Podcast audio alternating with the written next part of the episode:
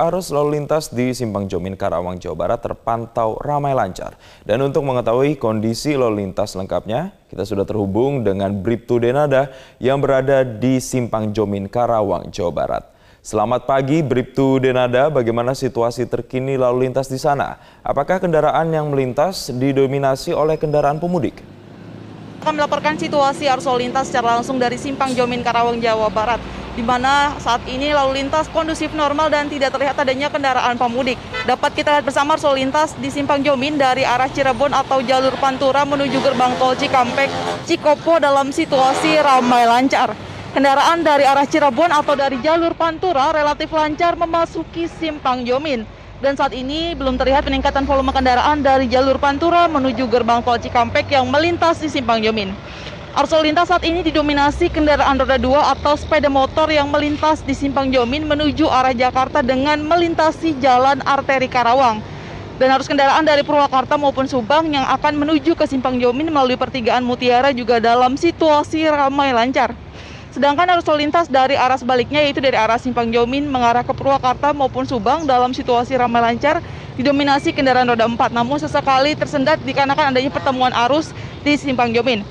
Dan perlambatan kendaraan juga terjadi imbas aktivitas angkutan umum yang menunggu antrian penumpang di bahu jalan.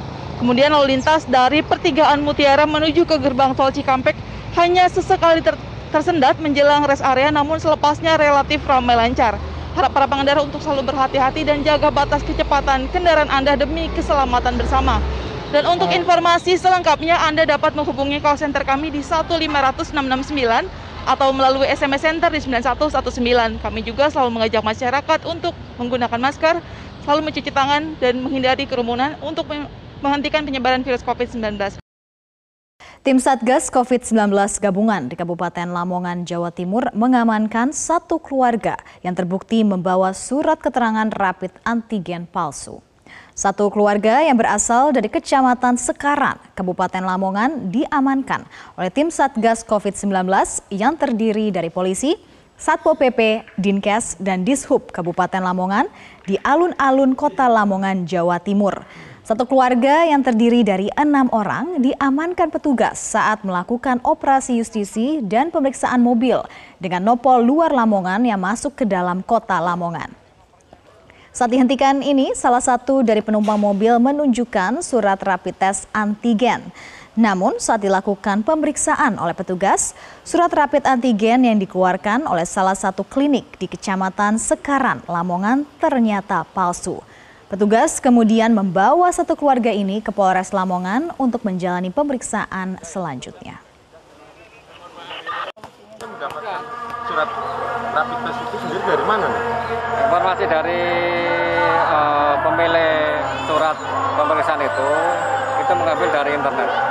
Mana dan? Dari internet. Browsing dari internet? Iya. Itu ada berapa dan surat yang diduga palsu itu dan? Surat rapid palsu itu dan? Ada lima. Lima? Nah itu tujuannya mau ke mana nih orang tersebut? Uh, jadi warga dari luar kota mau jalan-jalan ke Lamongan. Ketua Satgas COVID-19 Doni Monardo meninjau persiapan Rumah Sakit Darurat Wisma Atlet Kemayoran. Kunjungan dilakukan untuk melihat kesiapan RSDC bila ada lonjakan kasus pasca mudik lebaran. Meski diberlakukan larangan mudik lebaran pada tanggal 6 sampai 17 Mei 2021 lalu, namun sebelum larangan diberlakukan banyak masyarakat yang tetap melakukan mudik lebaran. Untuk itu, Doni Monardo didampingi Pangdam Jaya Dudung Abdurrahman dan juru bicara Satgas COVID-19 Wiku Adisasmito memantau kesiapan fasilitas Wisma Atlet dan tenaga kesehatan untuk antisipasi lonjakan pasien. Doni menyebut keterisian tempat tidur RSDC Wisma Atlet sudah bertambah dari yang sebelumnya 15,2 persen menjadi 17,2 persen. RSDC Wisma Atlet Kemayoran menyiapkan hingga 10.000 tempat tidur di Tower 4 dan 5 serta Tower 8, 9, dan 10 di RSD Wisma Atlet Pademangan, Jakarta Utara jika terjadi lonjakan pasien COVID-19 pasca libur panjang Lebaran walaupun hari ini jumlahnya masih relatif, relatif kecil, tapi berdasarkan pengalaman kita, setiap akhir libur panjang, itu akan diikuti dengan bertambahnya pasien di rumah sakit. Baik pasien di rumah sakit Darurat Atlet, termasuk juga pasien-pasien di hampir seluruh rumah sakit di Indonesia.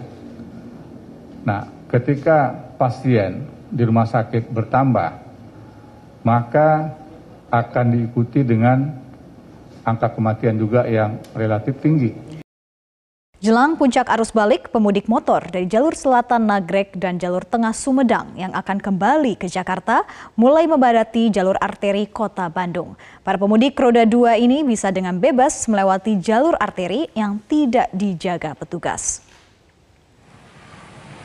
Beginilah pemirsa kondisi arus balik di jalur arteri perbatasan Kabupaten Bandung dan Kota Bandung yang arah Jakarta. Jelang puncak arus balik lebaran, jalur arteri ini mulai ramai dipadati oleh pemudik yang menggunakan motor. Para pemudik motor ini mulai terlihat dari kawasan Simpang Cilenyi, titik temu arus lalu lintas dari jalur selatan Nagrek dan jalur tengah Sumedang. Para pemudik motor ini datang secara bergerombol maupun perorangan dan bisa melintasi jalur arteri tanpa ada penyekatan dan pemeriksaan petugas. Diperkirakan kepadatan para pemudik motor yang akan menuju Jakarta akan terus terjadi hingga hari Minggu yang merupakan puncak arus balik.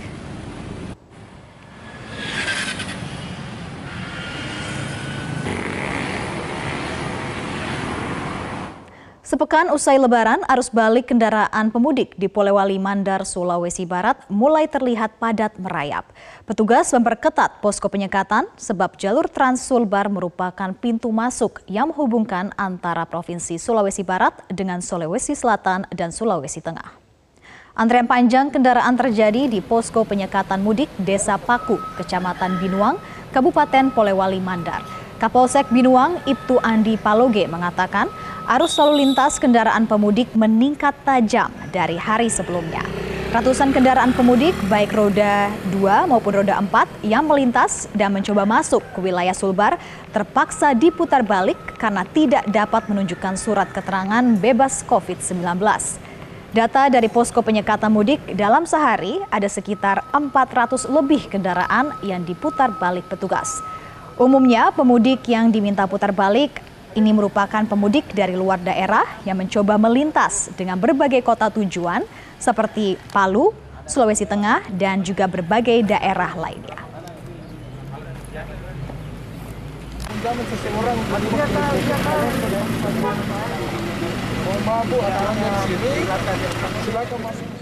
Empat hari setelah berakhirnya masa larangan mudik, kondisi di penumpang di stasiun Pasar Senen terpantau normal.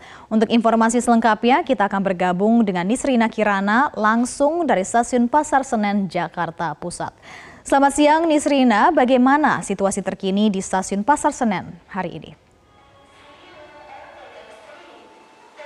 Ya Sarah, pada siang hari ini di Stasiun Pasar Senen Jakarta Pusat kondisinya terpantau kondusif pasca berakhirnya aturan larangan mudik lebaran sejak 17 Mei lalu. Hari ini untuk jumlah penumpang diketahui e, normal atau sama dengan jumlah rata-rata penumpang selama pandemi COVID-19 yaitu berkisar antara 5.000 hingga 6.000 penumpang. Apabila kita melihat data dari PT KAI hari ini tepatnya e, untuk jumlah penumpang KA keberangkatan tercatat ada sebanyak 6.835 penumpang keberangkatan. Sementara untuk jumlah penumpang KA kedatangan di stasiun Pasar Senen hari ini tercatat ada sebanyak 5.695 penumpang kedatangan di stasiun Pasar Senen. Adapun untuk jumlah operasional kereta yang e, beroperasi hari ini ada sebanyak 20 kereta dan jumlah tersebut juga diketahui normal atau sama dengan jumlah rata-rata selama pandemi COVID-19. PT KAI juga mengatakan bahwa untuk jumlah penumpang hari ini di stasiun Pasar Senen menurun apabila dibandingkan hari kemarin ataupun dua hari sebelumnya selama momen arus balik e, mudik lebaran pada tahun ini yang mana pada Rabu 19 Mei kemarin tercatat untuk jumlah penumpang kedatangan di stasiun Pasar Senen ini mencapai 8.000 penumpang. Sementara hari ini untuk jumlah e, penumpang lebih banyak dari penumpang keberangkatan dibandingkan dengan penumpang kedatangan di stasiun Pasar Senen. Dan untuk selengkapnya berikut kita simak pernyataan dari Kepala Humas PT KAI Daob 1 Jakarta, Eva Karenisa. Itu rata-rata volume penumpang di akhir pekan uh, hampir sama dengan hari ini. Untuk hari ini sendiri jumlah KA yang diberangkatkan juga tetap sama dengan eh, rata-rata uh, di sebelum pandemi antara sekitar 15 sampai dengan 20 KA. Uh, jadi bisa dibilang terhitung normal ya. Uh, karena memang hari ini seperti di Pasar Senen yang diberangkatkan 20 KA, yang datang juga 20 KA. Untuk rata-rata penumpangnya itu sekitar 6.000 untuk stasiun Pasar Senen yang berangkat, yang datang sekitar 5.000. Biasanya di masa pandemi sebelumnya itu untuk hari Jumat ataupun hari Sabtu di akhir pekan rata-ratanya sama sekitar 6.000 sampai 8.000. Ya, sementara untuk jumlah penumpang gabungan dari beberapa stasiun yang berada di wilayah KAI Daup 1 Jakarta seperti stasiun Pasar Senen, kemudian stasiun Gambir ataupun stasiun Jakarta Kota untuk jumlah penumpang keberangkatan hari ini ada sebanyak 10.000 penumpang. Sementara untuk jumlah penumpang kedatangan ini memang lebih landai yakni sebanyak 7.000 penumpang. Sarah. Yani Srina, lalu apa saja protokol kesehatan yang diterapkan pasca libur lebaran saat ini? Ya Sarah, terkait dengan protokol kesehatan yang diterapkan selama momen ataupun pasca libur lebaran tahun ini, pihak PT KAI menerapkan adanya surat eh, pernyataan negatif dari hasil COVID-19 berdasarkan tes PCR, antigen maupun ginos yang sampelnya ini diambil maksimal 1 kali 24 jam sebelum waktu keberangkatan. Hari ini setidaknya hingga pukul 11 waktu Indonesia Barat tercatat ada lebih dari 1.100 penumpang atau uh, calon penumpang di stasiun Pasar Senen yang telah melakukan pengetesan Ginos yang memang disediakan di stasiun Pasar Senen.